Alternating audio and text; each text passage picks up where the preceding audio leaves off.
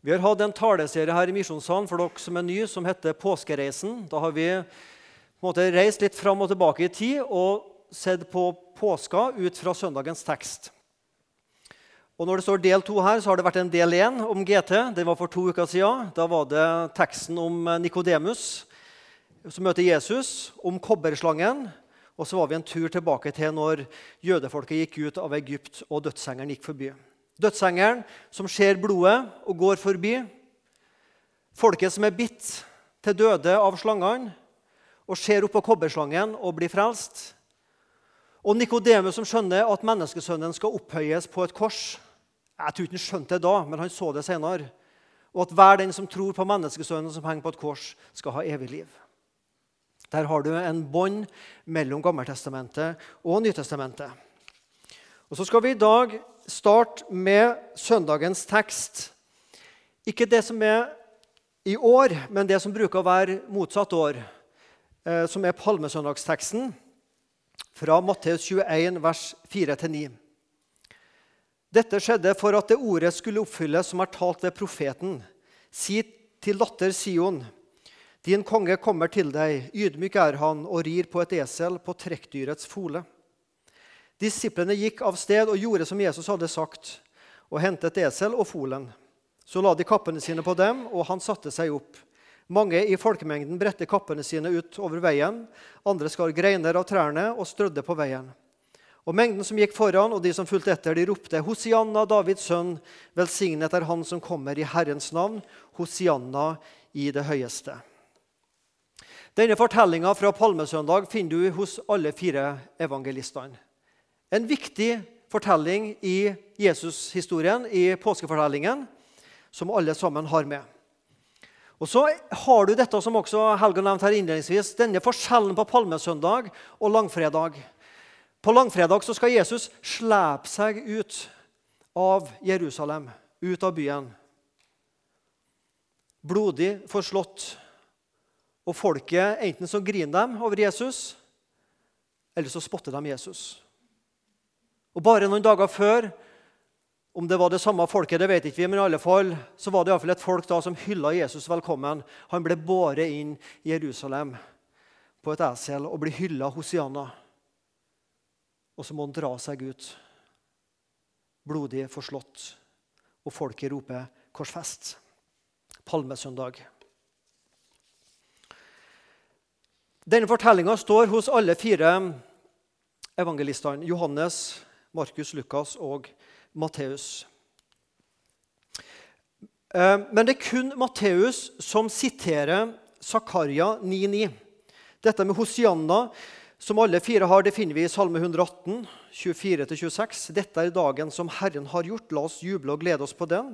Herre, frels. Herre, la det lykkes. Velsignet er Han som kommer i Herrens navn. ikke sant? Vi kjenner igjen den der.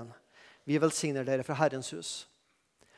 Men det er kun Matteus som siterer Zakaria 9,9. Bryt, bryt ut i jubel, du Sions datter. Rop av glede, datter Jerusalem. Se, din konge kommer til deg, rettferdig og rik på seier. Fattig er han og rir på et esel, på en eselfole. Litt teologi, litt bibellære. Fire evangelister, men de hadde ulike adressater som de sendte til. Johannes han skriver til hedningekristne. Og det vet vi fordi at, ja, altså Nå står det ikke i innledninga hvem man sender det til. det er bare hos Lukas, Men vi vet det at Johannes skriver til hedningekristne fordi han forklarer jødiske skikker. Altså Hadde Johannes skrevet til jøder, så var det jo ikke en vits å forklare jødiske skikker. Men han forklarer det. Da vet vi han har skrevet til hedningekristne. Lukas skriver til en som heter Theofilus, sannsynligvis en hedningekristen. Et trosforsvar om den kristne tros sannhet. Markus han skriver til romermenigheten. Han hilser spesielt til Alexander og Rufus, som var sønn av Simon fra Kyrene. Han som Jesus, hjalp Jesus og bar korset. Han var i Roma-menigheten. Mens Matteus han skriver til jødiske lesere. Sånn at For Matteus er det viktig å koble Jesus, eh, fortellinga om Jesus tilbake til Det gamle testamentet. Slik at de jødiske leserne forsto at det som er med Jesus, det har sine røtter i Det gamle testamentet. Bare i kapittel 21 Nå var det jo ikke Matteus som delte inn i kapitlet, men bare i kapittel 21 så er det fem ganger at Matteus tar med Gammeltestamentet. De to gangene her. Og så når Jesus renser tempelet, og når Jesus sier at um, 'mitt hus skal være et bønnens hus', Jesaja 56 En annen plass siterer han også fra Salme 118 og fra Salme 8, der Jesus, eller det står i Salme 8 at fra barn og spedbarns munn eh, som synger for Herrens pris. I Jesu lidelseshistorie, spesielt rundt Matteus, så vil du se at mange ganger så knyttes det tilbake til Gammeltestamentet. Og Det var et viktig poeng for at jødene kunne forstå at det med Jesus det er han som er Messias. Det er han det står om i Gammeltestamentet. Nytestamentet leser vi i lys av Gammeltestamentet. Inntoget, her Zakaria 9,9. De 30 sølvpengene som Judas fikk, står det om. Korset at de kasta eh, mynt og kroner, eller iallfall eh, terninger, eh, om Jesus sin kjortel, Salme 22. Ja, til og med om oppstandelser. Sånn at Jesusfortellinga og påskefortellinga den har god dokumentasjon i Gammeltestamentet. Dette skjedde for at Skriften skulle bli oppfylt. Det står det ofte hos Matteus. Alt dette skjedde for at profetenes skrifter skulle oppfylles. Det vi tror på, det har sin grunn i Gammeltestamentet.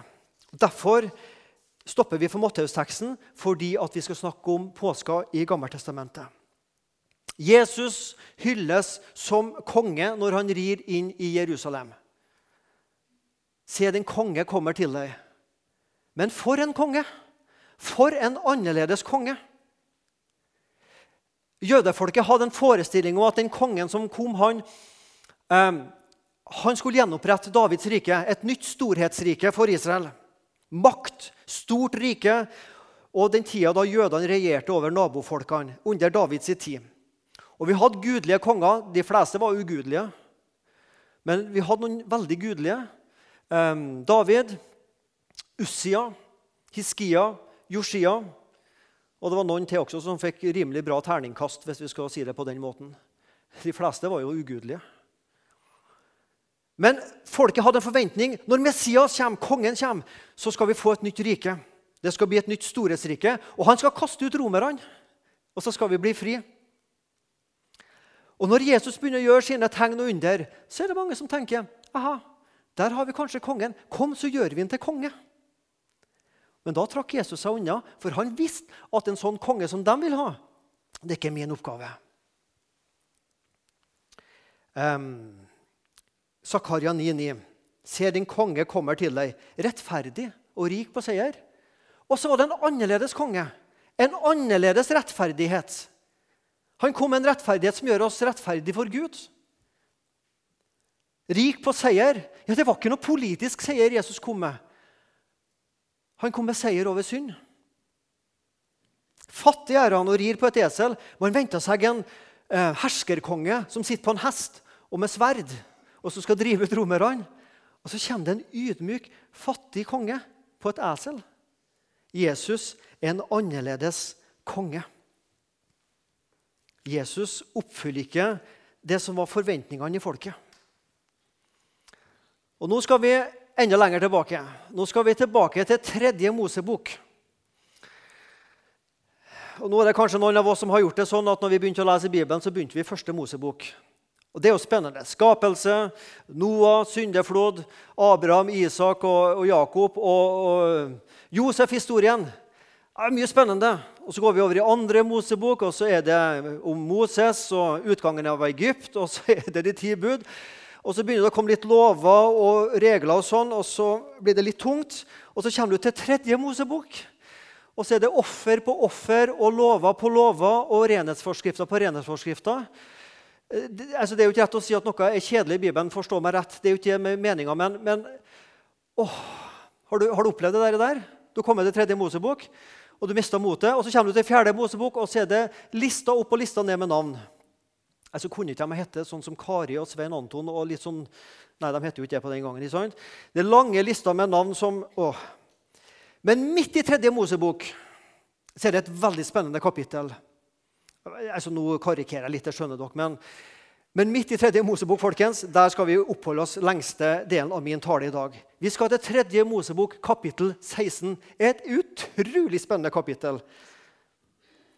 Nå er dette litt smått for dere, men vi skal lese sammen fra tredje Mosebok, kapittel 16, om den store forsoningsdagen. Det heter på hebraisk Jom kippur. Skal vi si det sammen? Jom kippur. Hørte ikke? Da lærte du det. Ikke Jon, men Jom. Jom kippur, den store forsoningsdagen.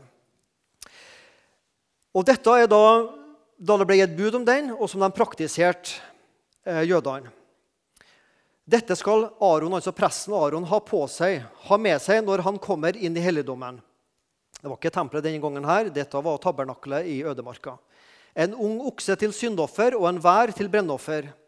Han skal kle seg i en hellig kjortel av lin, dekke kroppen med bukser av lin, spenne et linbelte om livet og ta på seg en turban av lin. Dette er de hellige klærne. Han skal vaske kroppen med vann før han tar dem på seg. Fra Israels menighet skal han ta to geitebukker til syndoffer og en hver til brennoffer. Aron skal føre dem, den oksen som er et syndoffer, for ham selv, og gjøre soning for seg selv og sitt hus. Skal vi bare stoppe der først. Her er det altså snakk om tre bukker. Og Den ene bukken skal Aron, eller den da som er ypperste prest etter Aron, ta først og ofre for sin egen del. Bibelen er skrevet i en østlig kultur. I en østlig kultur så er det bilder, lignelser, symbolhandlinger som forklarer åndelige sannheter. Du og jeg vi lever i en vestlig kultur der det er ord og definisjoner og lister som på en måte forteller oss en del ting. Men i en østlig kultur så ville man få fram sannheter ofte med billedbruk. Symbolhandlinger. Og denne symbolhandlingen her, det er en mektig sånn handling. Det første Aron, eller ypperstepresten, etter hvert skal gjøre, det er at han skal ofre en bukk for sin egen del. Offerpressen må være ren, moralsk, i alle fall sånn eh, seremoniell rein. Han var jo ikke moralsk ren, for han var jo en synder, han også. Og så skal han da ofre denne bukken for seg sjøl, sånn at han kan være rein når han skal bære fram offeret. Hvorfor er det viktig? Jo, fordi ypperstepresten her han stilte seg fram på vegne av folket. Nå skal vi prøve å leve oss tilbake i denne tida. Da var ypperstepresten han var din vei til Gud. Han var din vei til forsoning med Gud. Det han gjorde overfor denne bukken, eller disse bukkene, det bestemte om du fikk tilgitt de synd i det året som ligger foran. Er du med? Hvis han gjorde noe feil, og liksom offeret ikke ble gjort riktig, så måtte du slite og leve med synda ett år til. Men fikk han gjort det på den rette måten, så fikk han lagt folket sine synder på disse bukkene, og du var fri. Og det er jo klart, Da var folket veldig opptatt hva skjer med den ypperste presten. Tenk hvis han gjør noe feil, eller tenk hvis han er for lenge opp om natta i forveien, så sovner han av. Oi, oi, oi. Og Det er faktisk eh, jødiske tradisjoner på at det var folk som var med og holdt den ypperste presten våken, så at han ikke skulle sovne av fra denne store tingen han skulle gjøre. Det er skrevet mye i jødiske skrifter om dette. her. Jeg har ikke lest dem sjøl, men jeg har hørt fra folk som har peiling på det. som har fortalt om det.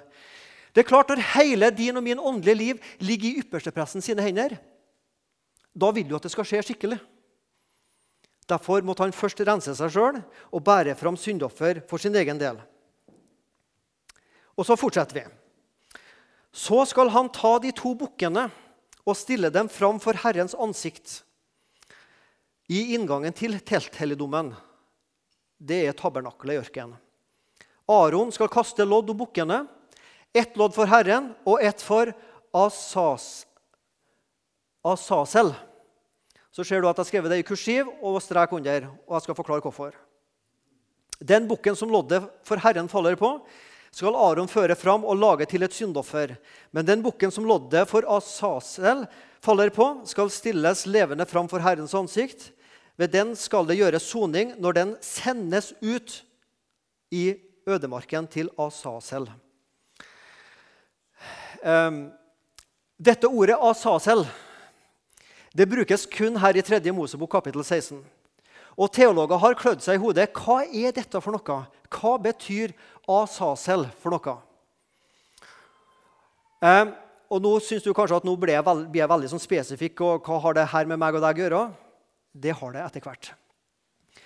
Um, men det er to tradisjoner her. Den ene oversettelsestradisjonen, som den teksten her er på, det her er fra den nye bibeloversettelsen, det er at Asasel er et eller annet vesen. Eh, en ond ånd. Det problematiske med det, det er at hvis det er sånn, da ofrer man til Herren og til en ond ånd. Derfor har en annen bibeloversettelsestradisjon valgt å oversette litt annerledes. Nå kunne jeg kanskje i utgangspunktet ha limt inn det som, det som det er, men jeg skal lese det fra en annen bibeloversettelse, norsk bibel. Um, men den bukken som loddet falt på, den skal sendes bort skal stilles levende framfor Herrens åsyn for at den skal gjøre soning ved den. Og så skal den slippes løs for å sendes ut i ørkenen. Og Det er fordi at den andre oversettelsesmåten det er at asasel betyr å sende bort, å sende ut, sende vekk. Og det gir litt mer mening. Det er altså to bukker. Og nå er det Den ene den blir ofra til sonoffer. Den blir lagt på alteret, og når blodet eh, dekkes på alteret, så soner det synd. Ordet soning betyr å dekke. Da er synda di tildekka. Ja, det er de, ikke sant? For vi er jo tilbake i tiden. ikke sant? Du har ikke kommet tilbake til 2015 ennå. Nå er vi 2000 eh, år før Kristus. her altså.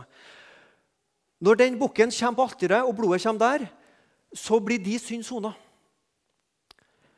Og så tar denne ypperstepresten den andre bukken og legger sine hender på den. Det var det bildet der. Og så tar ypperstepresten og så, og så ber han noen bønner. Og så tar han alle våre synder, vi som sitter her, alle, som, alle av jødefolket sine synder, og legger dem på bukken. Og så de, får de en hedning som tar denne bukken og leier den ut av leiren om en gir den en klaps i baken, kan gjøre, i alle fall leier den bort og vekk fra folket. Hva er det da som har skjedd? Jo, dine synder de er tatt bort. Dine synder har forsvunnet med bukken. Er du med? Dette var helt grunnleggende for jødene. Synda er sona, og så blir synda tatt bort. Det var så om å gjøre å få denne bukken bort og vekk at man tok en hedning for å leie den bort. fordi Hvis man tok en jøde, kan du tenke deg at du var jøde, og så var alle folkets synder lagt på den bukken, og så gikk du og leia på den bukken, som har alle syndene til folket eh, Den bukken er rimelig ladda opp altså, med synd. Du blir ganske redd for å komme nær den. altså. Så da fikk man en jøde til å få den bort. Nei, ikke en jøde, men en hedning til å få den bort og vekk. Vi lever i en kultur, altså den østlige kultur der sannheten blir fortalt billedlig. Synda blir sona og dekka til, og synda forsvinner. Synda er ikke her lenger. Hvis ypperstepresten lykkes med det han skal gjøre, så er synda bort, folkens. Den er sendt ut i ødemarken. Er det godt nytt? Ja, det er godt nytt. For da er vi fri. Da er vi fri et helt år. Det kommer, så, det kommer fram på bildet, men det er ikke så lett å se på lang avstand. Men på denne bukken så la de en tråd som var rød. Og fra denne bukken som ble ofra, så tok man denne tråden og etter hvert hang opp i tabernaklet og i tempelet. Og det som skjedde i løpet av et år Man har ikke forklaring på det, men tråden gikk fra å være rød til å være hvit. Det står ikke i Bibelen, men det står kanskje indirekte i Bibelen. Hva er det Jesaja sier? Om deres synder er røde som purpur, så skal de bli hvite som sne. Hvor i all verden har Jesaja den ideen fra? Han var ved hoffet i Jerusalem. Jeg tror han har vært i tempelet og sett denne tråden, som på en mysterisk måte gikk fra å være rød til å bli hvit i løpet av et år. Om dine synder er røde, blodrød, så skal de bli hvite som snø. Det skjedde i løpet av året. Og Det er på et bilde som Gud bruker for å si til oss Vi kan komme Gud, til Gud med hva vi har, med alt det vi har. Og Så kan vi legge det på bukken, eller ypperstepresten gjør det i stedet for oss. Og Så blir ene bukken slakta for å sone vår synd. Og så blir den andre bukken han tar med seg vår synd, og så er du fri. Nå rekker jeg opp hånda først, og du skal slippe å rekke opp hånda. Men hvor mange av oss er det som bærer med oss synd og skyld og skam gjennom et år? Hadde jeg bare ikke. Jeg skulle bare mer av det. Og så er det så mye jeg bærer med meg av synd og skyld og skam. Men så er det lagt på bukken, og så er bukken sendt ut i ørkenen, og så er vi fri. Det er noe av kjernen i den jødiske påska. Hvilken øversteprest velger du? Her er det bilde av en øversteprest som er inne i det aller helligste og ofrer. Og så er det bilde av vår ypperste prest Jesus. Og Så kan jeg spørre deg hvilken ypperste prest velger du? Og så vil 100 her gå på hånda og si jeg velger Jesus. Ja, Det vil vi fordi vi kan historien. Men la, la oss tenke oss at vi flytter oss da fra ørkenen og til Jesu dager og vi ikke vet hva Jesus egentlig driver på med. Det er jo Paulus og Peter som har forklart oss.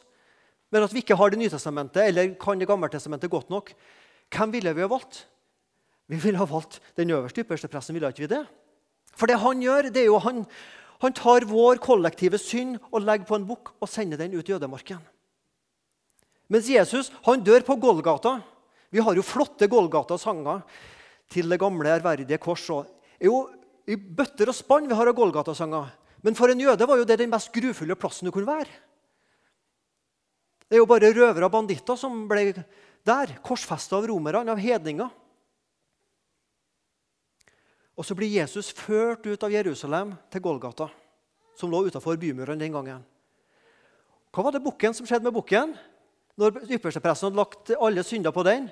Jo, man tok en hedning som leia bukken ut av byen. Hvem var det som ble med Jesus til korset? Hvem som leia Jesus til korset? Var det de eh, jødiske skriftlærde? Nei.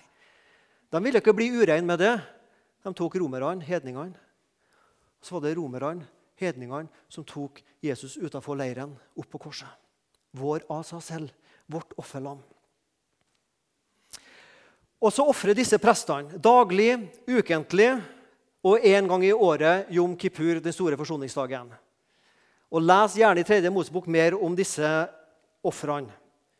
Jesus har oppfylt dem for oss, så vi skal ikke gjøre dem. Men det er jo likevel en del av Bibelen, så vi kan jo lære litt om det. Og Så bygger jødene et tabernakkel i ørkenen. Tar det med seg og driver disse offerordningene år etter år. 40 år i ørkenen. Og så er det inn i det lovede land under Josva, under dommertida. Og så kommer det profetia at det skal bygges et tempel. Og så blir det konger, blir det Saul, og så blir det David, og så blir det Salomo og så blir tempelet bygd. Og kan du tenke deg for folk som levde fattig den gangen, å komme til Jerusalem og se det gedigne tempelet? Vi kan se TV-program over store skyskrapere i Dubai og New York og hva vet jeg, og bli imponert. Kan du tenke deg for folket i jødeland den gangen å komme til Jerusalem og se tempelet med gull overalt?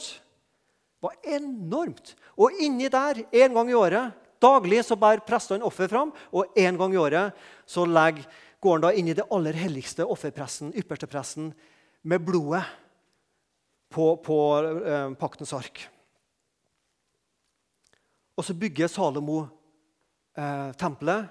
Og Så går det ca. 400 år, og så kommer babylonerne og eh, tar jødefolket ut. 70 år borte i Babylon, tilbake. Man begynner på nytt med tempelet og bygger på det. Og Så kommer Herodes sin store etter hvert også og bygger på tempelet. Fram til år 70 under ikke keiser Titus, men uh, han var sånn uh, ja, hva heter det, sjef for militæret, Titus. Så blir jødene tatt, og tempelet brennes. Og Siden den gang det, har jødene ikke ofra i tempelet i Jerusalem. Det er bare noen steiner igjen som vi kan gå og se med klagemuren. År etter år etter år så ofrer yppersteprestene dag etter dag og år etter år sier folket synder på bukken og sender den ut og slakter den andre. Men Kristus er kommet Hebreerne 9, 11-12. Men Kristus er kommet som øversteprest for alt det gode vi nå har. Alt det gode vi har i Kristus. Han har gått gjennom det teltet, ikke tabernaklet, men det teltet som er større og mer fullkomment, og som ikke er laget av menneskehånd. Tabernaklet i ørkenen, tempelet, det var laga av mennesker. Det var millioner av steiner og arbeidstimer som lå bak det tempelet der, som var Jerusalem. Men det er jo bare en liten ting av det himmelske tempelet. Johannes han var jo i Johannes' åpenbaring, har jo vært og sett inne i det himmelske tempelet og, og forklarer det. Det er jo bare et lite bilde det som var det jødiske tempelet av det himmelske tempelet. Et større og mer fullkomment, som ikke er laget av menneskehånd, dvs. Si, som ikke tilhører denne skapte verden. Ikke med blod av bukker og kalver. Det er jo det prestene drev med i det gamle testamentet. Men med sitt eget blod gikk han inn i helligdommen én gang for alle og fant, eller vant, en evig forløsning. Det er flott med ulike bibeloversettelser. I den ene står det 'fant', og i den andre står det 'vant'. Og så synes jeg det er noe flott. Han fant noe som vi ikke visste om, og han vant det for oss. En evig forløsning. Det er Hebreerne 9, 11-12. Og Så skal vi gå et kapittel til, og så skal vi lese kapittel 10, 11, 12. Det kommer ikke opp på veggen, men jeg skal lese det her. Altså Hebreerne 10, 11-12. Og hver prest står daglig altså Dette er jo de jødiske prestene i tempelet. Og hver prest står daglig og gjør tjeneste og bærer mange ganger fram de samme offer, de som aldri kan bortta synder. Men det er det ordet jeg er mest glad i hele Bibelen, det ordet 'men'. For da skjer det en forandring. Men Jesus har båret fram ett eneste offer for synder og har deretter for alltid satt seg ved Guds høyre side. De to mest spennende ordene der i tillegg til 'menn' det ordet 'står' og 'sitter'. Yppersteprestene og prestene de sto daglig og gjør sin tjeneste. I dag så sitter vi med PC-bord og arbeider og gjør. Så mange av oss sitter jo og jobber.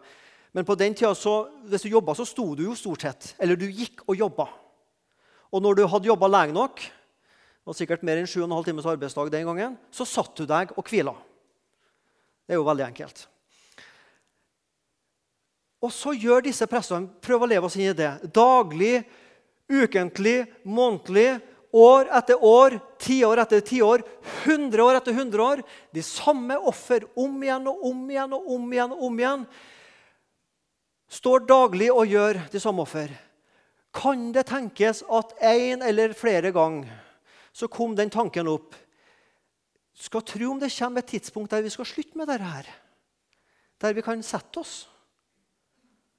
Der, der liksom ofrene er ferdige.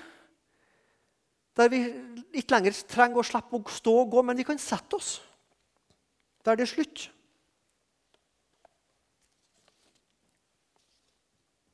Hvor lenge skal dette drive på? Skal det aldri ta slutt?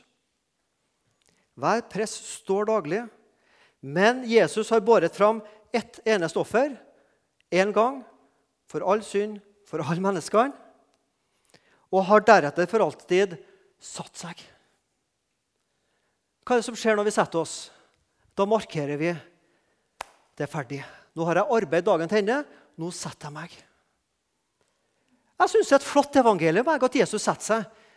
Av og til har jeg lest Jesus satte seg i en lat. Liksom, rare tanker som kan komme i hodet. Nei, men han setter seg fordi han er ferdig.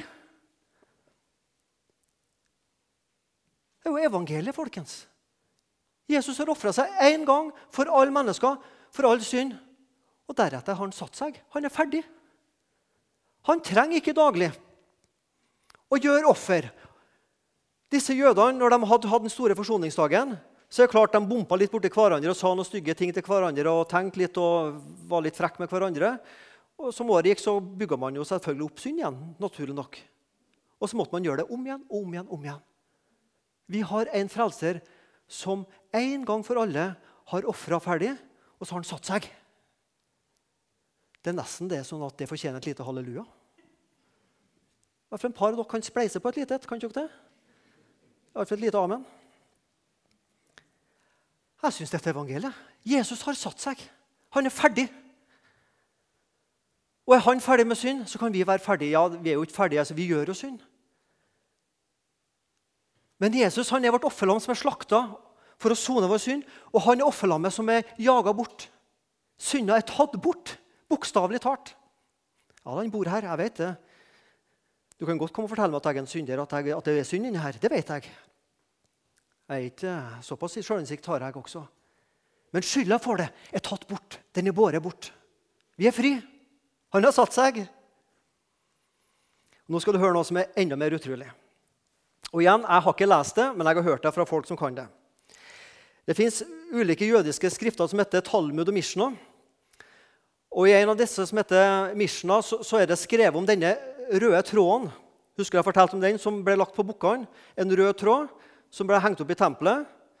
Eh, og I løpet av året så ble den på en mystisk måte som ingen kunne forklare, forandra fra rød til hvit.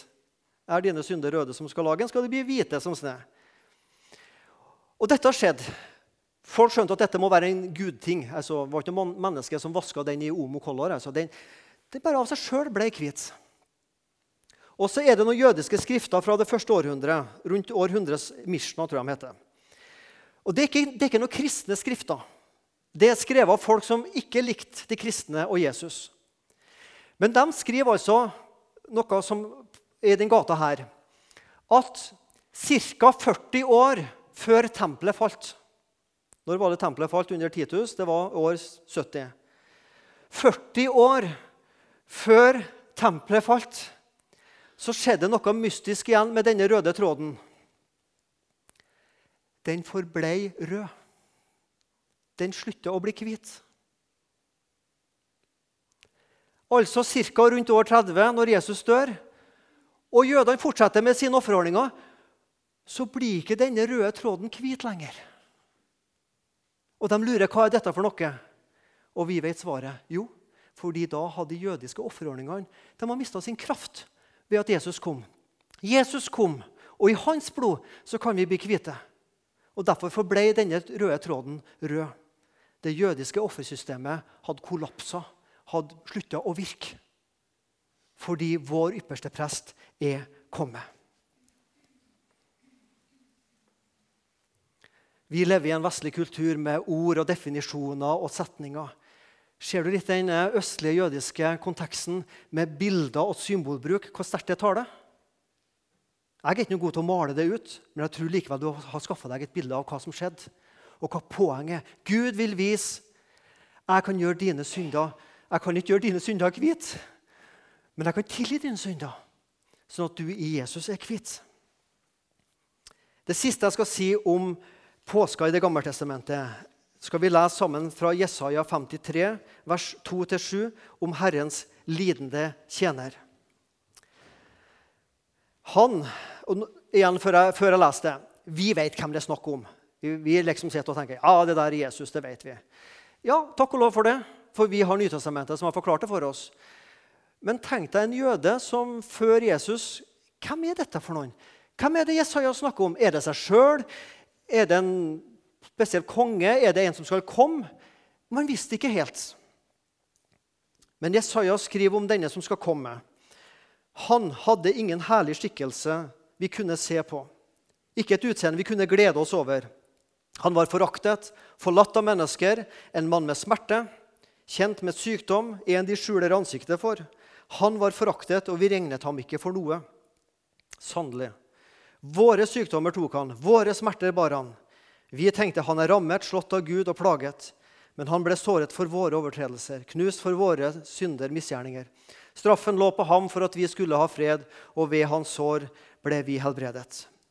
Vi, vi gikk alle vill som sauer. Hver tok sin egen vei, men skylden som alle hadde, lot Herren ramme ham. Han ble mishandlet, han ble plaget, og han åpnet ikke sin munn. Lik et lam som føres bort for å slaktes, lik en sau som tier når det klippes, og han åpnet ikke munnen sin. Hvem er dette? Det er Jesus. Ja, men det er Jesus. Jo, det er Jesus. Og så er det Jesus på korset det er snakk om. Og Jeg har mange ganger tenkt tenk å kunne ha levd sammen med Jesus altså på den tida og gått sammen med Jesus. Ja. Men det er noe flott med å leve etter Jesus òg. Vi har Nytestamentet. Vi kan lese hva dette betyr for oss. Det er Jesus på korset det er snakk om. For en konge! For en profet! For en ypperste prest! Ingen herlig skikkelse, foraktet, forlatt, smerte, sykdom, regnet for ingenting, slått og plaget, til og med av Gud. For en konge! For en ypperste prest!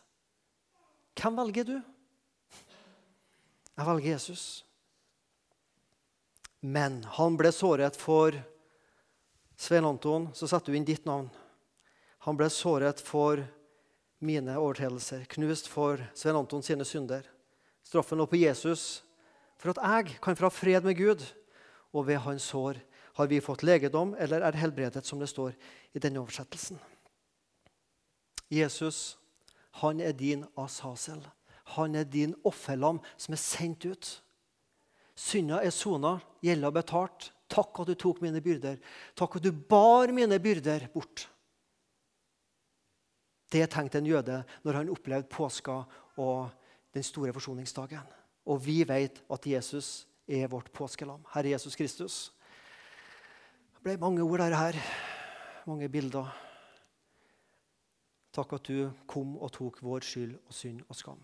Amen.